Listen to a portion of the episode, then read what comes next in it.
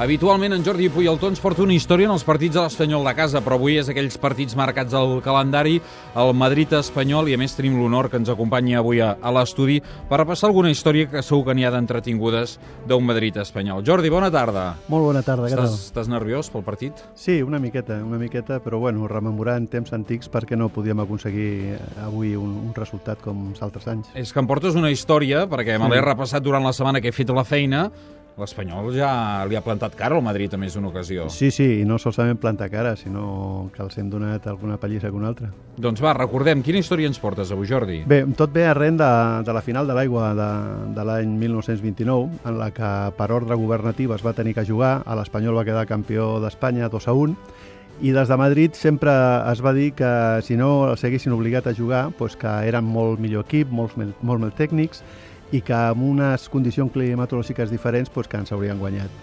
Llavors, com sempre anaven dient això, doncs va haver una espècie de, de pique, diguéssim, i llavors, doncs, bueno, l'any 29-30 eh, van arribar a jugar sis vegades. I clar, el Madrid estava totalment convençut de que aquestes vegades que anessin jugant contra nosaltres doncs que ens guanyarien i quedaria qui és el millor equip, no? i que aquella copa mai la, tinguà, la haver perdut hi ha algun resultat impactant, eh? els va sortir una mica el tret per la culata. Sí, sí, perquè els dos primers, una setmana després, el dia 10 de febrer del 29, va començar la primera lliga, amb 10, amb 10 equips, que van ser Espanyol, Real Madrid, Barça, Atlètic de Madrid, Atlètic Bilbao, Real Societat, Arenas de Quecho, Europa, Real Unión Durún i Racing de Santander. Llavors eh, van haver-hi do, dos partits d'aquesta lliga, que va durar poc perquè en 10 equips van ser 18, 18 partits. Eh, el primer partit a, a casa d'entrada, d'entrada, que va jugar el 24 de març, ja els hi vam picar un 4-0 en la qual ja, sense ploure, sense res, doncs un 4-0 ja quedava la cosa una mica marcadeta. I el partit de tornada, eh, amb una exhibició de Zamora, Ricardo Zamora va fer tots els partits que va jugar contra el Madrid, va fer uns, uns partits impressionants. Ens van guanyar, ens van guanyar 2 a 0, però vaja, l'Espanyol va jugar molt bé, va ser molt justet, van fer un gol al, al final, però va ser molt ajustat, no? Llavors, clar, no va quedar palès eh, que el Madrid aquella superioritat que, que deia. Llavors es va tenir que esperar a la temporada següent, que va començar dintre del mateix 29, a la 29-30, al mes de desembre. I llavors el primer partit sí, va ser a... Bueno, Santiago Bernabéu no a Chamartín, era llavors. Mm -hmm. Atenció, eh, perquè ens situem en un desembre, com avui, que sí, som... fa, fa 83 anys. Fa 83 anys. Repetició del partit, ens estaven esperant, tothom deia que el resultat seria, bueno, en contra de l'Espanyol impressionant, però va passar tot el contrari. Va passar el contrari i l'Espanyol va guanyar eh, 2 a 4 2 a 4. Ja firmem per avui un ja 2 firmem. a 4, eh? Sí, sí, jo estaria encantat de que repetís el partit i, i el partit que es té que jugar d'aquí uns minuts doncs que el resultat fos el mateix. Eh, ho firmava ara mateix.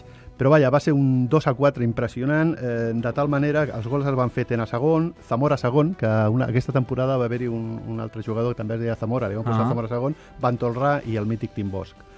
Eh, llavors, pues, és, és això. El resultat va ser tan, tan acalparador que el dia següent al Mundo Deportivo escrivia una nota y deia lo siguiente. Los campeones de España, perquè clar, encara eren campeones de España, mm. lograron un triunfo merecido dominando técnica y merecidamente al Real Madrid que se defendió por su gran entusiasmo.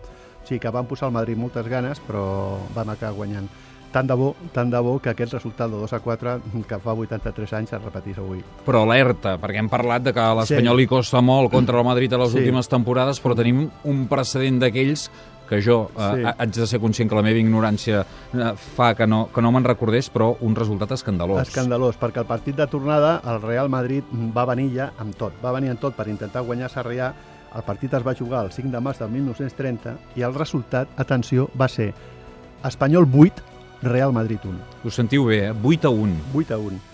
Eh, els gols els van fer Soler, Baltolrà 2, Gallar, Álamo, Padrón 2 i el mític Tim Bosch un altre.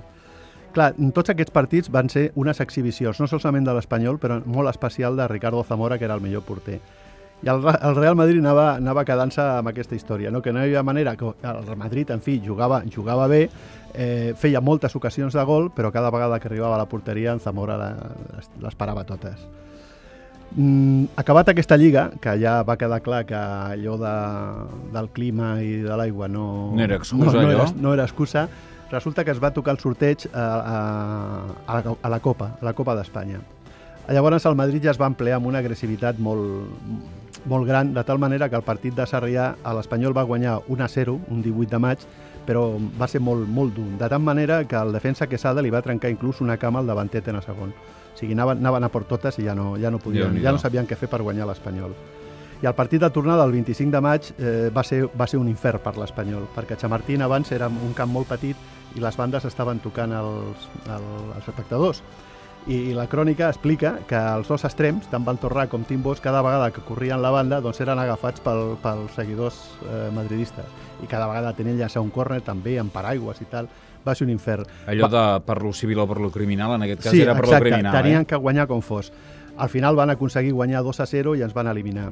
Però què va passar? Que vam, a la final la va jugar contra l'Atlètic de Bilbao i a la final es va jugar a l'estadi de Montjuïc, a Barcelona. Naturalment, tots els 50.000 espectadors que hi havia allà, a part dels que van baixar de Bilbao, eren espanyolistes eh, a favor de l'Atlètic de Bilbao i, naturalment, l'Atlètic de Bilbao va quedar, va quedar campió. Què va fer el Madrid en vista de que no hi havia manera? Va, va treure el talonari. Va treure el talonari eh, i per 250.000 pessetes de l'època eh, va comprar el Ricardo Zamora i com aquella dita castellana que diu més o menys eh, com és, si no puedes con tu enemigo unete a él, pues en aquest cas lo compro. I llavors eh, Ricardo Zamora se'n va al Real Madrid eh, i llavors van intentar pues, això guanyar tots els títols que Ricardo Zamora i l'Espanyol els impedia i ja et dic, van jugar fins a l'any 36 que va començar la Guerra Civil i es va paralitzar tot, doncs el Real Madrid va guanyar dos lligues i dues copes amb Ricardo Zamora. I aquesta és una mica la història, l'anècdota a part del 2 a 4 impressionant, doncs que Ricardo Zamora va ser fitxat pel Real Madrid en vista de que no hi havia manera que, que el Real Madrid guanyés a l'Espanyol. Per 250.000 pessetes. Per 250.000 pessetes de l'època. Hi va haver una època, 30, de l'any 30. anys 29-30, on l'Espanyol passava per la pedra al Madrid. Sí, sí. Avui amb un 0-1 ens conformem. Si pogués ser golejada, millor que sí, millor. Sí, però... Però va bé fer un repàs per la història per veure que no sempre ha passat que quan l'Espanyol va al camp del Madrid Clar. ha patit, sinó que fins i tot té Fins i tot hem guanyat i, i, molt, i molt bé, i de pellic. Doncs escolta'm, moltíssimes gràcies Jordi per aquesta a història, que controlis els nervis, això és a punt de començar, Sí, per tant de seguida ens hi A posem. veure si podem guanyar avui. Com que no ens veurem, bones festes. Igualment, igualment. Bones festes. Que vagi molt bé. Una pausa Molt bé, i tornem gràcies. al Bernabéu, on d'aquí una estona començarà aquest Madrid espanyol.